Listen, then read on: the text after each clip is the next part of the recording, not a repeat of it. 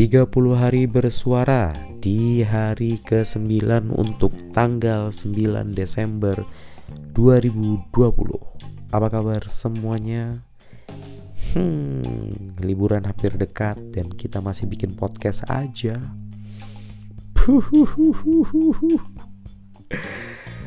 But anyway, mak uh, bikin podcast sekarang makin gampang dengan Anchor FM ya. Jadi kamu tinggal upload di sana, editing di sana seperlunya uh, rekomendasi menggunakan uh, beberapa alat uh, recording yang yang bagus eksternal untuk HP kamu karena speaker HP kamu atau mic HP kamu kayaknya kalau didengerin agak seperti dalam kaleng ya suaranya so ya yeah. uh, tapi mulai aja dulu nggak apa-apa kok gitu loh sama ini uh, ada salah satu podcast yang akhir-akhir ini aku lagi dengerin yaitu stoicast.id uh, ada seorang mahasiswi atau resmi pengangguran kalau kata dia uh, yang ngomongin tentang filosofi stoisme di Spotify. Podcastnya menenangkan banget. Suaranya apa ya istilahnya netral. Jadi dia tuh uh, benar-benar merepresentasikan bagaimana orang-orang itu menyikapi filosofi stoa atau filosofi tera, teras gitu. Uh, good job. Siapa namanya? Astagfirullahaladzim aku lupa. Sita. Ya yeah. Sita. Ya yeah, thank you so much for your podcast. Uh, kamu benar-benar ngingetin aku lagi untuk ya uh, menggunakan trikotomi kendali amor fati uh, premedita premeditatio malorum dan juga satu lagi apa ya tiga hal itu lupa nah itu kan maybe I I have to listen to your podcast again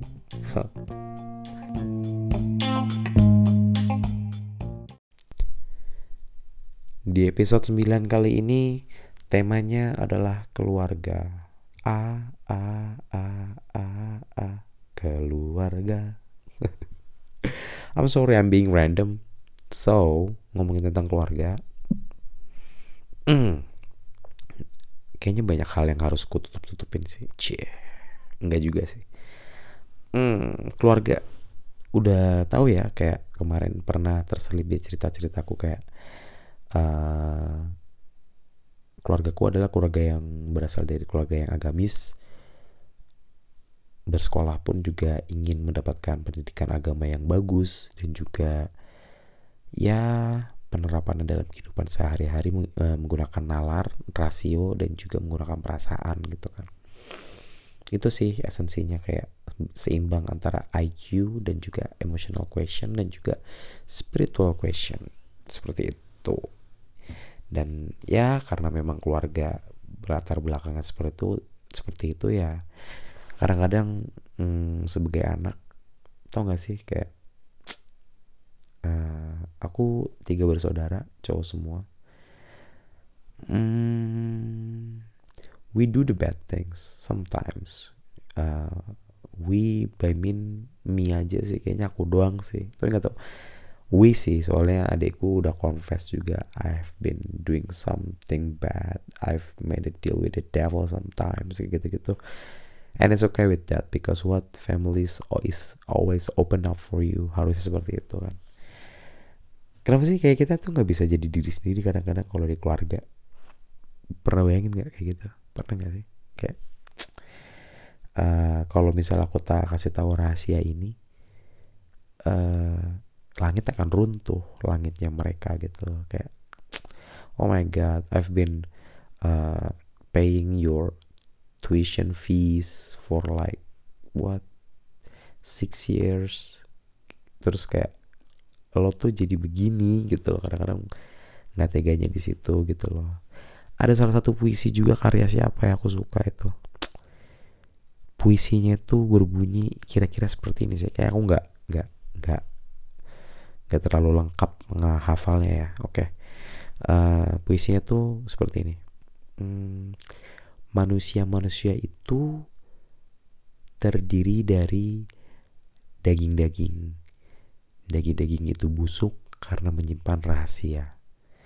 Nanti rahasia-rahasia itu akan terkubur dalam tanah dan tidak pernah ditemukan lagi.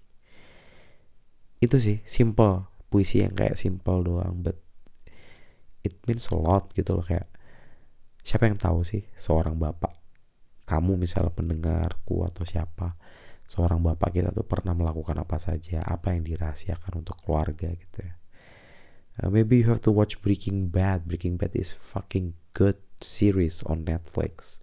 Ini gak dibayar jadi aku terserah ngomong apa aja ya gitu kan. Uh, tentang pengorbanan seorang ayah yang harus jadi impulsive flyer yang gitu gitulah pokoknya. Pengorbanan seorang ibu apa yang harus dilakukan?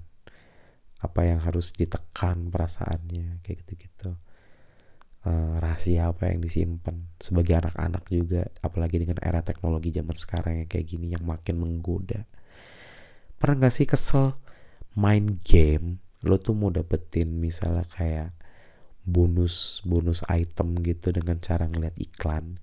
Iklannya itu tiba-tiba kayak terpersonalize gitu yang kayak mbak-mbak joget gitu kan dengan tank top doang atau apa terus dengan caption-caption yang sangat vulgar gitu kan. Walaupun ya nggak vulgar sih kayak istilah apa ya misleading gitu ya.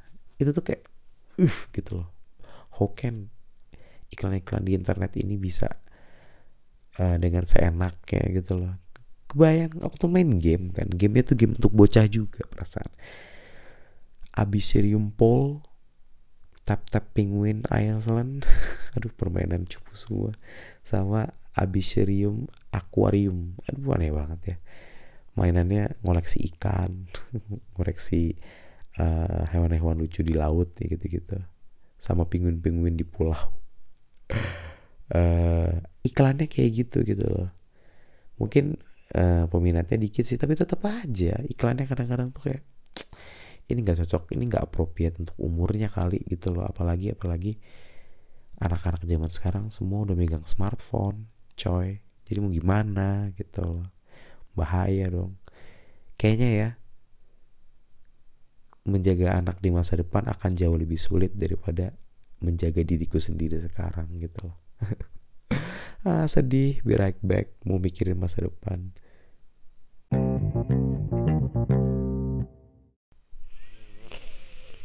I've been thinking about like ya keluarga lah seperti itu. Ada baiknya ada buruknya. Semua semua keluarga punya rahasia. Uh, aku nggak mau ngomongin film nanti kita cerita tentang hari ini sih. Walaupun filmnya bagus. Uh. God damn. Salah satu aktris favorit aku adalah Aurora Amanda. Dia tuh bisa bicara dengan tatapan mata saja. Oh God. She's so good as an actress.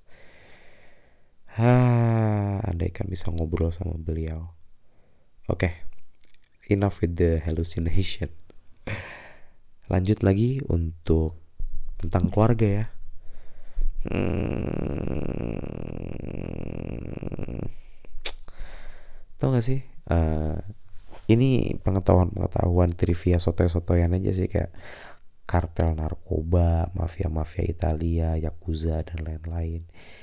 Mereka tuh melakukan tindakan-tindakan kriminal itu tapi mereka tetap solid sama keluarga gitu loh. Blood is thicker than water gitu loh bagi mereka. Jadi kayak they do the crime together gitu loh, bro kayak partner in crime. Kadang-kadang lucu sih kalau denger itu partner in crime. Maksudnya kayak apa? Kalian pacaran tapi nyolong bareng gitu gimana? itu uh, blood is thicker than water so itu benar sih tapi kalau misalnya kita bisa nggak ngelakuin hal yang jahat kenapa ngelakuin hal yang jahat dong? Gitu. Terus juga kalau misalnya aku sih dalam perjalanan hidup um, istilahnya apa? I taste so many things in this world. Mendapatkan kesempatan kuliah itu adalah salah satu anugerah yang diberikan Tuhan kepadaku untuk mengenal lingkungan, untuk dapat lebih menganalisis dan lain-lain gitu kan. Ternyata dunia tidak seideal itu. Banyak orang yang candu akan terse akan sesuatu, banyak orang yang mendamba sesuatu kayak gitu-gitu. Ya, ngomongin tentang keluarga jadinya kan makanya kadang-kadang kalau misalnya uh, maybe your brother your little brother or your big brother doing the mistakes uh, itu cuma bisa bisa bilang kayak oh uh, apa ya bukan kecewa tapi nggak kaget. Tapi ya, bukan kecewa kata-katanya. Uh,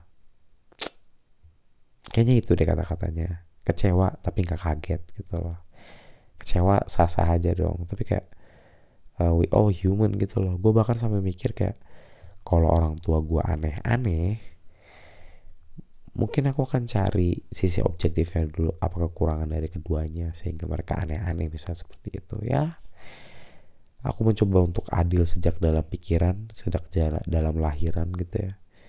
Jadinya ya hmm, gitu deh pokoknya apa ya istilahnya gitu deh tuh nggak boleh loh kata-kata gitu deh itu itu nggak menjelaskan apa pun hmm, apa ya istilahnya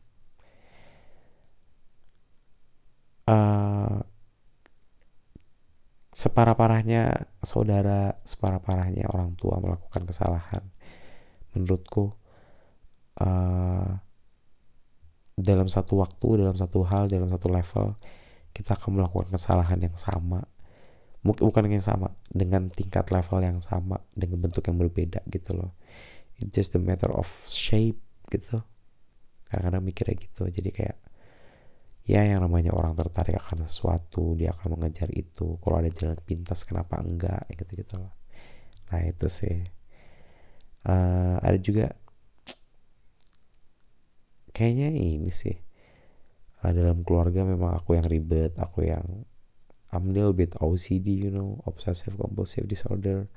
Gak bisa ngeliat barang yang berantakan gitu loh kayak ada konsep di otakku bahwasanya meja itu untuk naruh makanan setelah selesai ditaruh kembali di wastafel gitu loh. Ah kapan-kapan aku ceritain sih sumpah. Ini kayak seru banget sih keluarga. Mungkin hmm, di pertemanan kali ya, atau di bucin nanti ya gitu ya. Sama ya begitulah keluarga. Lo nggak bisa milih lo dari etnisitas mana. Lo nggak bisa milih lo bisa uh, punya usaha yang gimana orang tua lo apa yang pengen lo kejar apa yang pengen lo pelajari gitu gitu loh. As long as kamu cukup umur then go for it gitu loh. No one's gonna stop you. Maybe your parents nggak tahu sih. Ah udah dulu ah